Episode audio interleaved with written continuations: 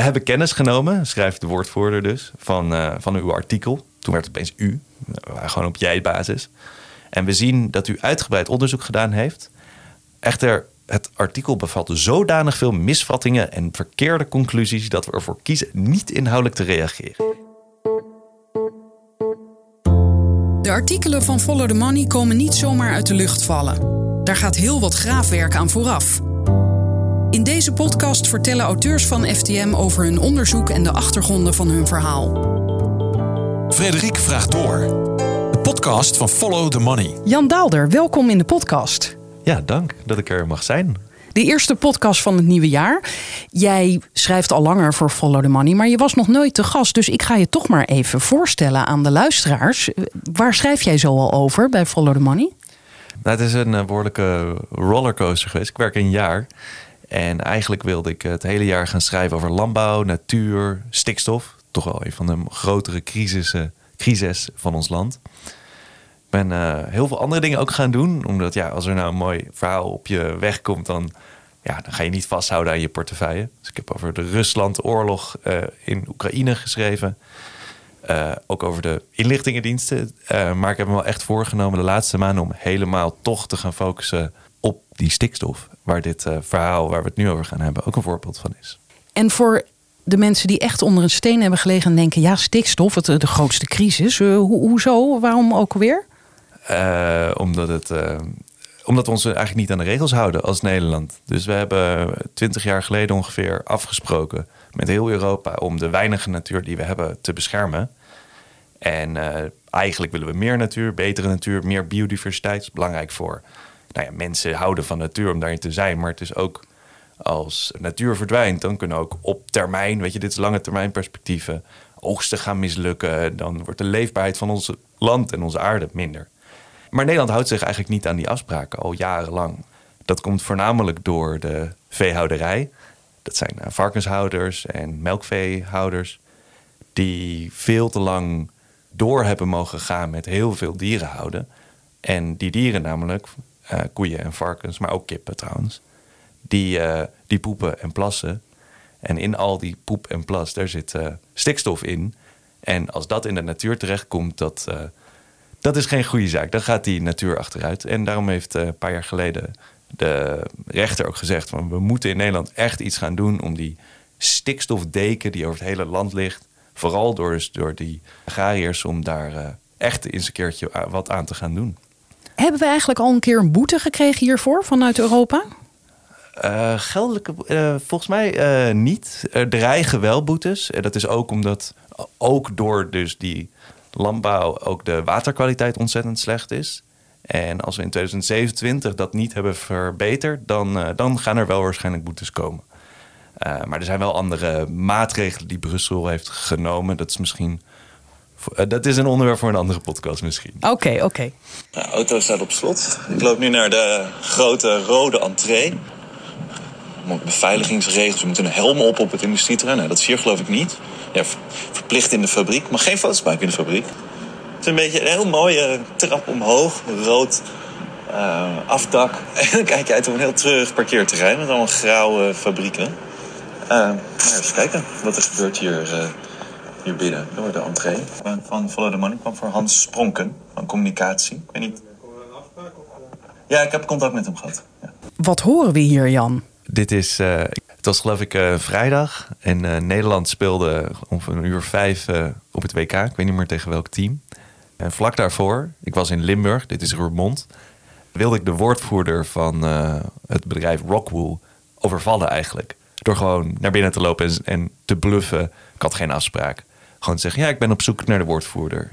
Uh, de, de, en dus ik dacht, ik uh, ga daar binnen en ik probeer de woordvoerder te overvallen. Want hij wilde me eigenlijk niet te woord staan, alleen maar per mail tot dan toe.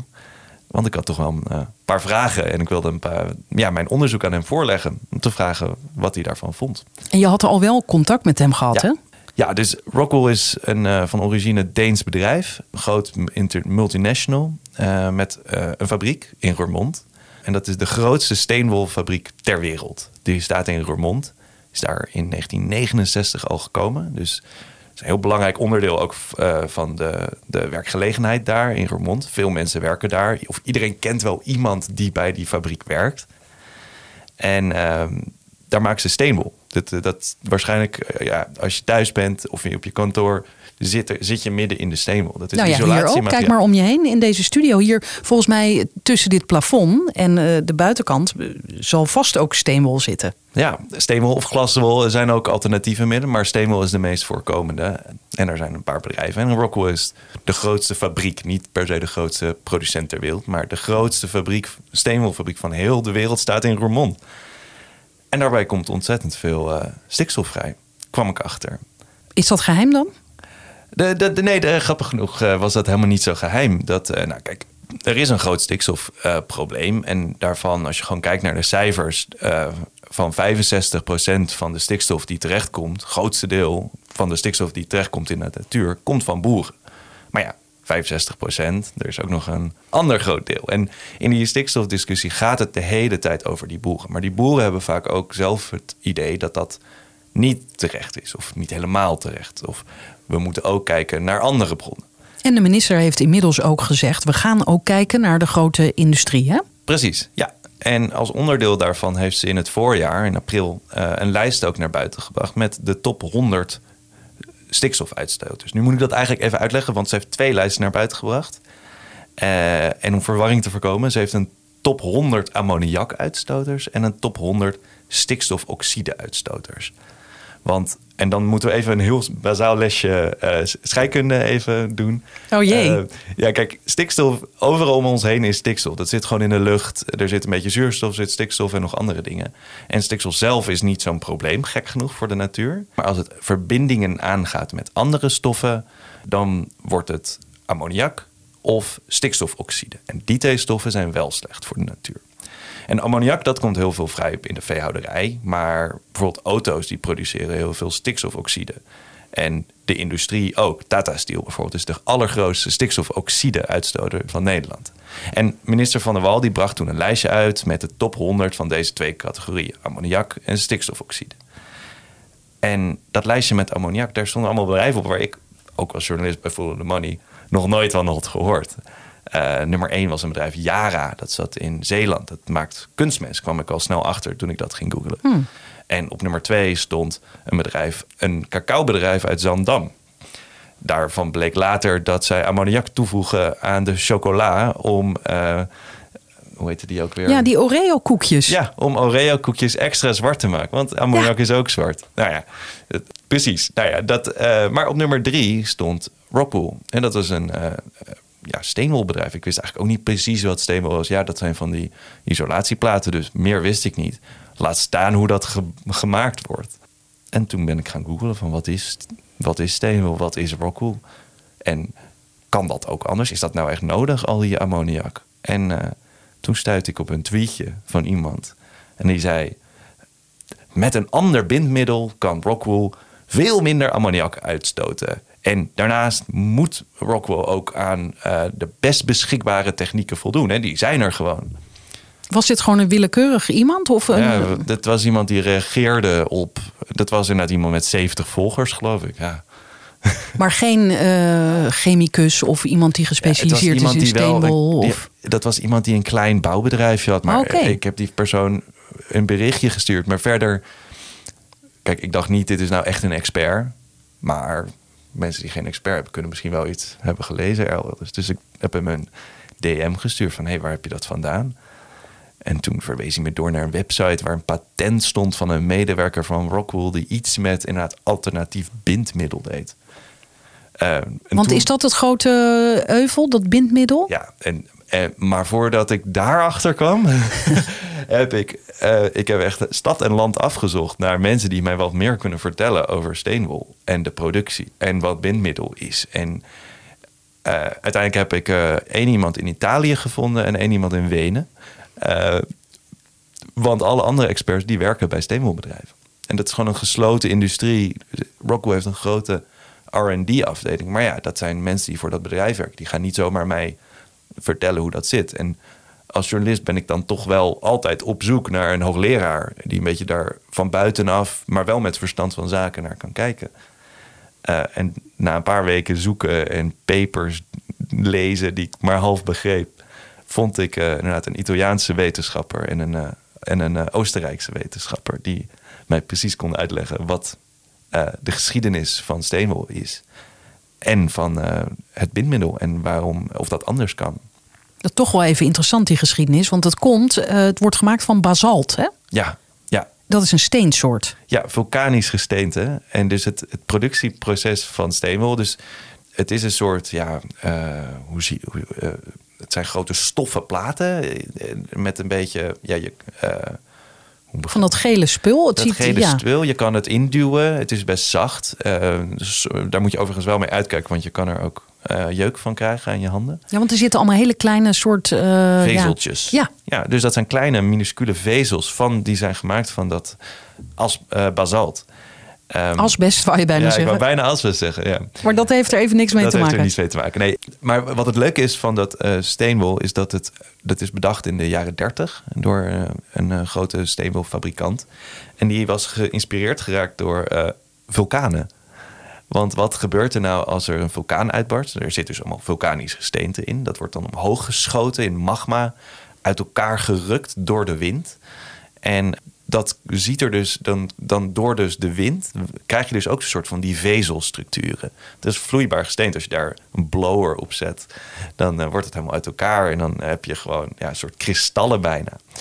En zij dachten, als we dat nou aan elkaar lijmen, dat soort vezels, dat doen we iets gerichter dan met een blower of de wind, dan kunnen we dat gebruiken voor isolatiemateriaal. En eh, belangrijk onderdeel is, wat voor lijm gebruik je dan? En dan kom je bij dat bindmiddel dus. Precies, ja. Want wat er gebeurt is, in, een, in de fabriek van Roermond wordt al die, dat basalt gesmolten, verhit. En dan komt het in een soort gigantische suikerspinmachine, waar dat wordt rondgedraaid, rondgeslingerd echt. Om dus die wind bij die vulkaan te simuleren. En tegelijkertijd wordt dus dat bindmiddel erin gespoten. En dan koelt het af, wordt het op een grote plaat, wordt in een grote plaat gedrukt, wordt er nog wat bindmiddel bij gedaan. En dat, is, dat laat je het afkoelen en dan heb je steenwol. En dat spuiten, daarbij komt dus ontzettend veel ammoniak bij vrij. Maar de afgelopen ja, jaren he- heeft ook de industrie wel door dat dat misschien niet zo best is. Er zit namelijk behalve ammoniak ook nog een paar giftige stoffen in. Waar ook allerlei regels over zijn dat de industrie dat echt moet aanpassen en moet verminderen. Eh, ammoniak is slecht voor de natuur. Nou ja, en giftige stoffen zijn giftig. Dat wil- willen we ook niet. Stel je woont in Roermond, dan wil je dat niet binnenkrijgen. Dus allerlei andere bedrijven zijn al jaren geleden begonnen met alternatieve lijm maken, alternatief bindmiddel. En, en dat is er gewoon. Ja, en dat is dus de belangrijkste vraag. Dus als ik de Thomas Rosenau, de hoogleraar eh, in Wenen, eh, die doet dus al jaren, al tientallen jaren onderzoek naar die alternatieve bindmiddelen. En die werkt ook samen met bedrijven. En hij zei ook van ja, als je dit tien jaar geleden had gevraagd, dan had ik gezegd: het bestaat, het kan, maar. Weet je, voordat je een hele productielijn Duur, hebt opgezet, ja. is ook nog duur. Inderdaad. Dat oude bindmiddel was gewoon goedkoper. Die hele fabriek was erop ingericht. Je weet ook niet, weet je, het kan nu werken, maar wat gebeurt er als over, 20 jaar? Is jouw steenwollen plaat in jouw huis, valt, begint die niet over 20 jaar uit elkaar te vallen? Daar moet je eerst best wel wat goede proeven op doen. Maar intussen, anno 2022 was het toen nog, zijn er allerlei fabrieken gewoon overgestapt. Die zijn dus, hebben dat hele traditionele bindmiddel, zijn ze aan het uitfaseren, nog niet helemaal. En gebruiken dus steeds meer van dat eh, ja, bio-based binders, waar dus die twitteraar over begon. Eh, extra voordeel, het wordt ook nog eens gemaakt op basis van hernieuwbare brandstoffen, geen fossiele eh, rotzooi. Dus het is ook nog eens goed voor het milieu. En geen ammoniak en geen kankerverwekkende stoffen, alleen maar wind zou je zeggen. Dus toen werd waarschijnlijk jouw zoekvraag: waarom Ja. eh, gebruikt Rockwool dit nog niet? Ja, dus een mailtje sturen. Want telefoonnummers staan niet op de website van Rockwool. De woordvoerder. eh, op een gegeven moment wel bellen met die woordvoerder. Vragen, kan ik eens langskomen met jullie experts praten? Hoe staat het met het onderzoek? Überhaupt eigenlijk vragen waar in het proces, in dat lange proces van die, eh, van die suikerspinmachine ervoor of erna of er tijdens. Komt dat het bindmiddel? Komt nog, nog ergens anders vandaan? Eindeloos met die woordvoerder over gemaild. Want bellen wilde hij niet. En ik mocht ook niet langskomen. Ehm, Gaf hij daar nog een reden voor? Ja, dat was niet in het belang van het bedrijf. En nu moet je ook voorstellen dat in april is die lijst uh, verschenen van die top 100 uitstoters. En in de zomer, toen de stikstofdiscussie hoog opliep, zijn er zelfs boeren gaan demonstreren bij de fabriek van Rockwell. Omdat zij vinden, ja, dit is de allergrootste. Pak hen eerst aan. Pak hen eens eerst aan. Dit is een, ja, de piekbelasters waar het nu de hele tijd over gaat. De, de bedrijven die een bijzonder hoog uh, groot effect hebben op de natuur. En als je er eentje wegneemt, misschien kunnen dan alle boeren in de omgeving wel blijven. En dat is ook wat die boeren zeiden. Als we nou Rockwool. Of Dan hebben ze ook wel een punt misschien. Ja, misschien wel. En kijk, en, daar, en nu moet ik het ook voor Rockwool opnemen. Dat steenwol is ook een ontzettend belangrijk ingrediënt voor de energietransitie.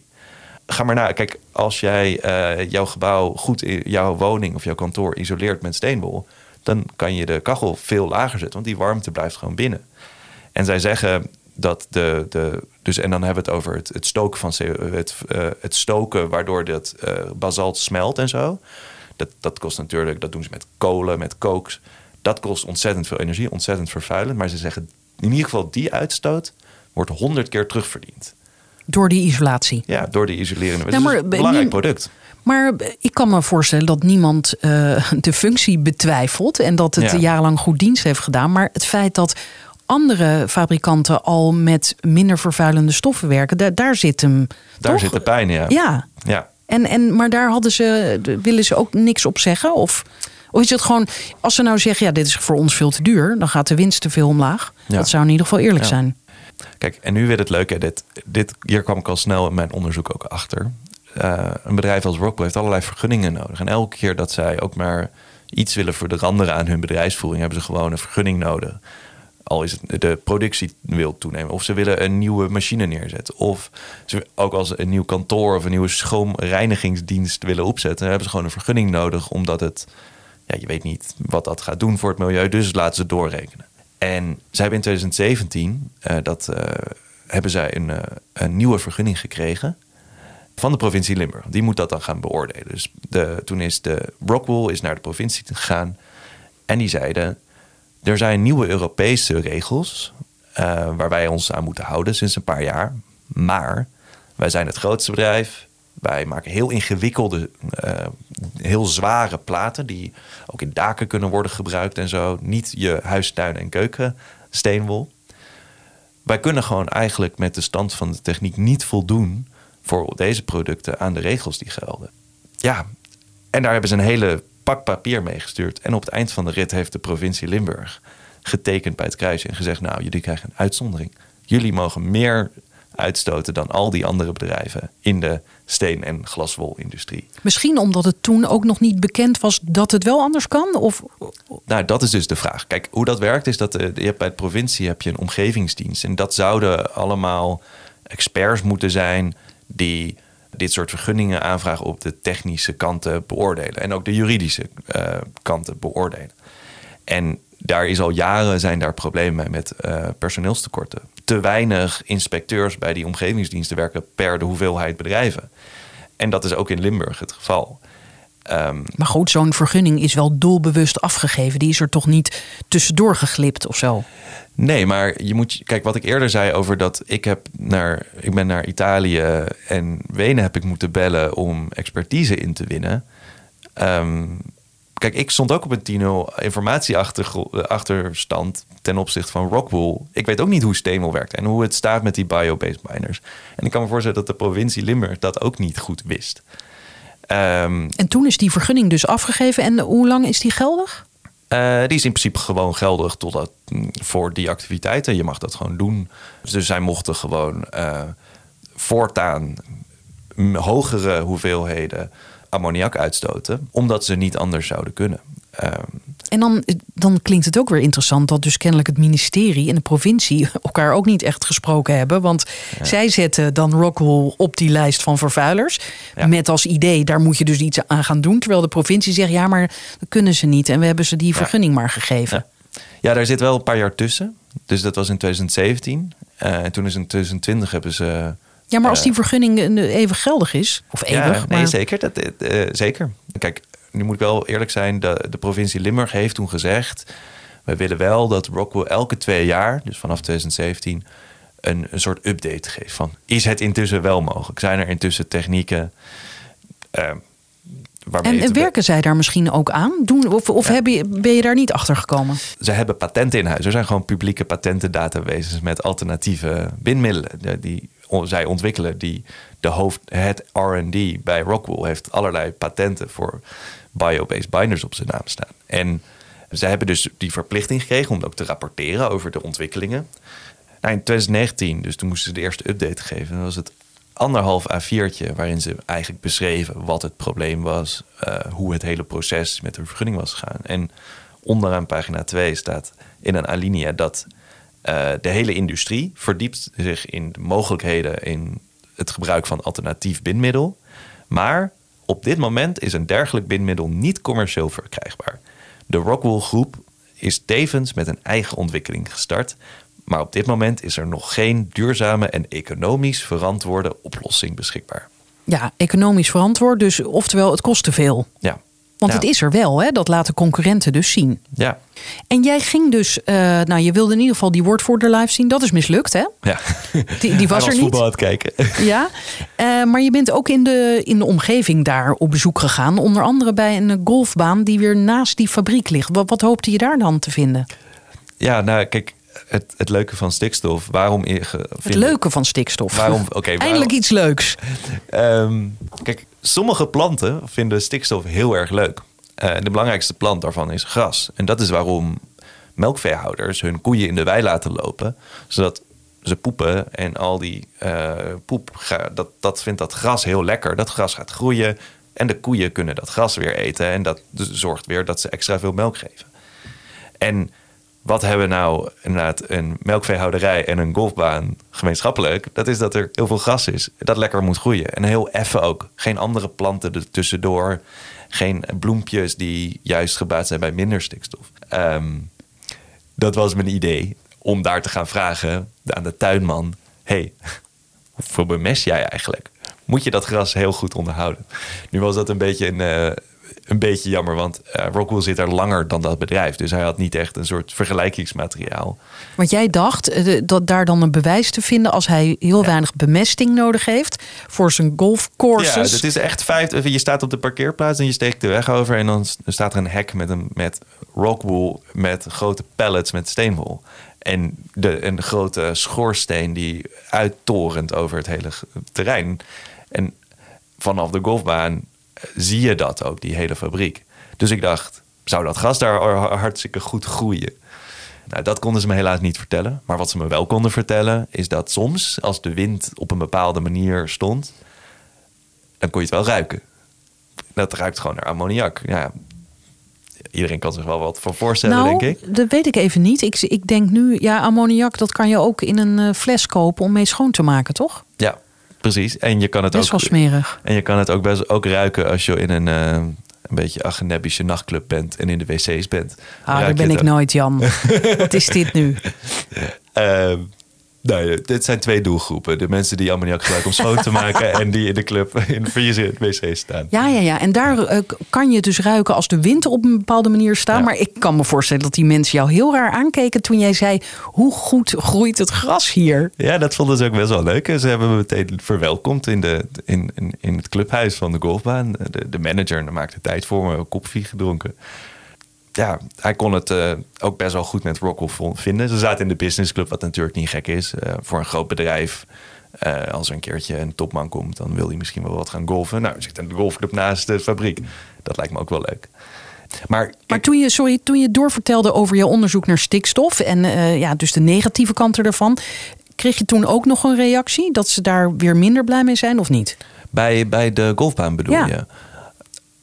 Nee, zij hebben daar niet zozeer last van. Kijk, wie er veel meer last van hebben, zijn de buren aan de andere kant. Dat is Staatsbosbeheer, een groot natuurgebied, uh, de Mijnweg, Nationaal Park de Mijnweg. Dus dat zit allemaal. Kijk, als je vanaf de, dat hek van Rockwool de golfbaan oversteekt, dus een paar honderd meter steekt het over. En dan zit je meteen in, in het uh, natuurgebied. Een natuurgebied met allemaal stikstofgevoelige natuur. Met heide bijvoorbeeld. En ik heb daar toen op dezelfde dag dat ik naar, bij de golfbaan en bij Rockwell was, ben ik ook met de boswachter daar op stap gegaan. Die me wees op ja, de gevolgen van overmatig stikstofbelasting daar. En kijk, het is moeilijk te zeggen of de, de slechte stand van de natuur daar direct door Rockpool komt. Maar als je het kan ruiken op de golfbaan en het gaat slecht met de natuur. En er zijn modellen van het RIVM die ook deels op basis van metingen zijn, waaruit blijkt dat inderdaad het wel daardoor komt. 100% zeker weet je het niet.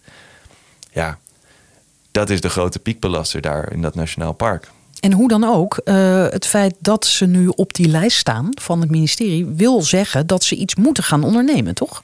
Nou, nog niet. Dit was puur gewoon, dit zijn de feiten. Dit is gewoon een uitdraai eigenlijk uit de systemen geweest. Want, nou, en dat is, ja, daar gaat het in Den Haag nu heel erg over. Wie zijn nou de piekbelasters die we gaan uitkopen om de natuur te verlichten? En daar, de definitie van piekbelasting is een ontzettend moeilijke discussie. Want ga je kijken naar de hoogste uitstoot, nou, dan komt dus Yara, dat kunstmestbedrijf, naar boven. Of ga je kijken naar de bedrijven die dichtst bij een natuurgebied zitten. Nou, dan valt Yara eigenlijk al snel weer af, juist. Want die zit heel ver van een natuurgebied. En dan komt Rockwool in aanmerking. Ja. En wat is hun omzet eigenlijk? Oftewel, hoe, hoeveel geld zou het kosten om hen uit te kopen? Stel dat de overheid tot dat soort stappen overgaat. Nou, het is een uh, bijzonder groot bedrijf. Al, kijk, dus de, grootste fabriek staat in Nederland. Waardoor dus de Nederlandse tak inderdaad bijzonder groot is. in Nederland hebben ze een omzet van 413 miljoen euro. en maakt ook gewoon fikse winst. 39 miljoen euro elk jaar. En het internationale moederbedrijf maakt 292 miljoen euro winst. Die ze dus ook over hebben en die ze ook misschien wel zouden kunnen investeren in onderzoek. Uh, voor alternatieve windmiddelen. Ja, of sla dat onderzoek over en uh, kopieer uh, hetgeen de concurrent al doet, hè? Ja, tot uh, kijk, maar. Nee, dat klinkt nu te makkelijk. Maar... Dat is flauw, want je moet natuurlijk ook de fabriek erop aanpassen en duurdere machines. En dat is natuurlijk wel een grote investering. Dat, kijk, maar ja, iedereen moet mee in deze grote transitie. En, ja. Nou ja, de, wat jij ook schrijft, is dat het ministerie eigenlijk al langer kleinere fabrieken strenger aanpakt. Dus tot nu toe blijven de grotere echt buiten schot, hè? Ja, dus er is een. Kijk, een, een, voor kleinere bedrijven geldt een soort generieke norm voor de uitstoot van ammoniak. Dat zijn, maar dat zijn echt kleine bedrijven. En voor grote bedrijven zoals Rockwool, maar ook uh, een glaswolbedrijf in Nederland, Saint-Gobain, gelden de Europese regels. En die zijn flink doortimmerd. Uh, gaan gepaard met enorme rapporten met hoe ze op die normen zijn uitgekomen. En die normen gaan uit van wat haalbaar is voor de industrie, voor grote bedrijven. Dus als Rockwool zegt het is niet haalbaar, dan dat is een beetje raar. Want ze hebben eigenlijk gekeken naar wat is haalbaar voor een bedrijf als Rockwell. Daar zijn die normen al voor bedoeld. Maar nu is punt twee, die normen zijn ook al tien jaar oud. Hmm. Een bedrijf als Rockwell mag 60 milligram ammoniak per kubieke meter lucht die door de schoorsteen gaat, uh, al jaren uitstoten. Terwijl inderdaad, als jij een klein, een, echt wel een klein uh, steenwolfabriekje hebt, dan is dat nu al 30. En gaat dat binnenkort waarschijnlijk naar 5 milligram. Dus ja, want daar werd jij op, je noemt nu dat getal, daar werd jij op gewezen door een van de lezers hè, onder het stuk, mhm. Johan Vollebroek. De man mhm. die allerlei processen voert en zich enorm inzet. Uh, tegen stikstof, uh, kan ik het zo formuleren. Die schreef: uh, Jammer dat je niet even op onze site hebt gekeken, want die getallen zijn alweer aangepast. En daar kwam hij ook met het getal 5, geloof ik. Herinner ik me dat goed? Jij kijkt nu even. ja, dat, ja, dat staat daar. Hij, de, het ministerie heeft aangekondigd dat de norm inderdaad naar vijf gaat, nog niet is. Uh, maar daarbij gaat het wel echt om de kleine bedrijven. En kijk, het, alle, alles Europese recht moet altijd worden vertaald naar de Nederlandse context. Dus wat het ministerie heeft aangekondigd voor alle kleine bedrijven gaat het naar vijf. Maar ze hebben nog niks gezegd over wat dat voor grote bedrijven als Rockpool uh, dan moeten zij dus expliciet gaan zeggen: Nou, in Europa is het 60 en gaan we naar 30 of naar 20. Kijk, ik kan me ook voorstellen dat het voor de grote industrie misschien ook wel redelijk is. Dat weet ik eigenlijk niet om ietsje meer uit te stoten. Maar zoveel meer, dat is uh, wel heel gek. Ik noem dit vooral ook om aan te geven dat het echt heel erg leeft. Hè? Want er staan geloof ik 136 reacties of zo uh, onder het artikel inmiddels. Ja. Mensen die heel blij zijn met dit stuk, maar die dus ook aanvullingen hebben en zeggen: en dit moet nu ook echt aangepakt worden. Ja. Want hoe heet nou ook weer, nu we het er toch over hebben, die website van die man die ik noem, van Vollebroek? MOB? Ja, hij is voorman van eh, Mobilization for the Environment. Ja, precies. En dit is de man die alle rechtszaken heeft gevoerd. Als we even helemaal teruggaan naar het begin, toen ik zei dat Nederland alle regels overtreedt. Je kan natuurlijk alle regels overtreden, maar als er niemand is die klaagt, dan kan je daar vaak mee doorgaan. En Vollebroek, die, die ziet wat het, die heeft, ziet al twintig jaar wat het Nederlandse beleid met de natuur doet. En is, heeft het recht gekozen als zijn ja, middel om dat aan te kaarten. En de overheid te dwingen zich aan de eigen afspraak te houden. Daar gaat het eigenlijk om. En met succes, hè? Met heel veel succes. Dus alle rechterlijke uitspraken van de afgelopen nou, vijf jaar, waar met de belangrijkste is de grote stikstofuitspraak van 2019, waarin het hele stikstofbeleid inderdaad als een kaartenhuis in elkaar stortte. Het is allemaal door verdiensten van Vollebroek. En behalve al deze reacties, is er ook een reactie van Rockwell op jouw stuk. Nou, kijk, omdat het zo technisch is en omdat eh, ik twee experts van wel echt uit andere landen die niet specifiek de Nederlandse context kennen, heb ik vanaf het begin af aan heel erg Brockwell geprobeerd mee te nemen in, in mijn onderzoek. Je wilde zelfs leuk, leuk gaan koffie drinken, Ja, precies. maar dat wilden ze niet. Ja, en, en kijk, en dat is op een gegeven moment denk je, heb je een target, heb je, eh, ben je bezig met een onderzoek en dan denk je, nou, deze heeft het echt fout gedaan. En ik merk bij mezelf wel eens de neiging om dan je kaarten dicht bij, me, bij de borst te houden. Van ja, ik ga niet helemaal zeggen waar het over gaat. Want ja, straks brengen ze, brengen ze een persbericht uit of gaan ze, ja, of eh, gaan zij rondbellen naar experts, niet met Jan Daalder van Follow the Money. Kijk, je weet het niet. En dus speel je het voorzichtig. Uh, maar hierbij dacht ik, ja, dat, ik kan het gewoon niet maken om niet ook vanaf het begin af aan hun perspectief mee te nemen. En elke keer als ik met die Weense hoogleraar sprak en die zei iets waarvan ik dacht, ja, maar dat is tegenstrijdig met wat Rockpool online op hun website of in een flyer of in een eerdere mail aan mij zei, toch even vragen hoe dat dan zit. Daar zijn ze ook best wel schappelijk in geweest, over het algemeen, moet ik ook wel zeggen. Tot het moment vlak voor publicatie. Want in hetzelfde kader wat ik net zei over nee, dat je je kaarten dicht bij je borst houdt, leg ik artikelen nooit helemaal voor aan mensen die ik heb geïnterviewd. Vaak leg ik passages voor van kijk, ik heb een heel groot stuk geschreven over, over een organisatie. En dan denk ik, ik heb een stuk geschreven waar ook Frederik in voorkomt. Dan leg ik alleen even de alinea waarin Frederik van iets wordt beschuldigd voor, zodat je daarop kan reageren. Dat is een hele normale werkwijze. In de journalistiek is dat heel normaal. Maar hierbij dacht ik, ja, hier moet ik een uitzondering maken. Want dit hele stuk is heel technisch. Gaat alleen maar overal over Rockwool. Ik heb die woordvoerder gebeld. Ik zeg, hey, ik wil een uitzondering maken. Ik geef jullie ruim de tijd, een week. Ga het lezen. Ik neem het op. En dan krijg, voorkomen we ook dat het een heel groot stuk is. En onderaan staat, Rockwool wilde niet reageren. Uh, of dit is de reactie van Rockwool. Maar ik dacht, nee, dan kan ik het echt helemaal door het stuk verwerken. En toen kwam de reactie dat. Uh, zal ik me even opzoeken? Dat is wel ja. echt erg leuk nu, hè? Ja, leuk. Um... We hebben kennis genomen, schrijft de woordvoerder dus, van, uh, van uw artikel. Toen werd het opeens u, gewoon op jij-basis. En we zien dat u uitgebreid onderzoek gedaan heeft. Echter, het artikel bevat zodanig veel misvattingen en verkeerde conclusies dat we ervoor kiezen niet inhoudelijk te reageren. Het is ondoenlijk om één of enkele van de grootste bezwaren uit te lichten. Hmm. Ja, en dan staat bij mij natuurlijk wel de stress toe. Van, ja, Wat heb ik allemaal fout? Precies, ja. Dus ik denk, volgens mij heb ik gewoon meteen gebeld van... Yo, uh, Yo. vertel me. ja, precies. Ik probeer een beetje te levelen met deze woordvoerder. Ik dacht, ik wil, als ik dan niet kan koffie drinken. um, ik wil weten, kan je, kan je me één voorbeeld noemen? Hè? Kijk, want, ja, wat klopt er niet? Gewoon, vertel het. Wat, het liefst wil ik alles weten, maar ik dacht ook, ja, het kan ook zijn dat je bluft. Je kan er toch wel één voorbeeld noemen. Uh, even over nagedacht en uh, dan moest hij even overleggen. Nee, wilde niks zeggen.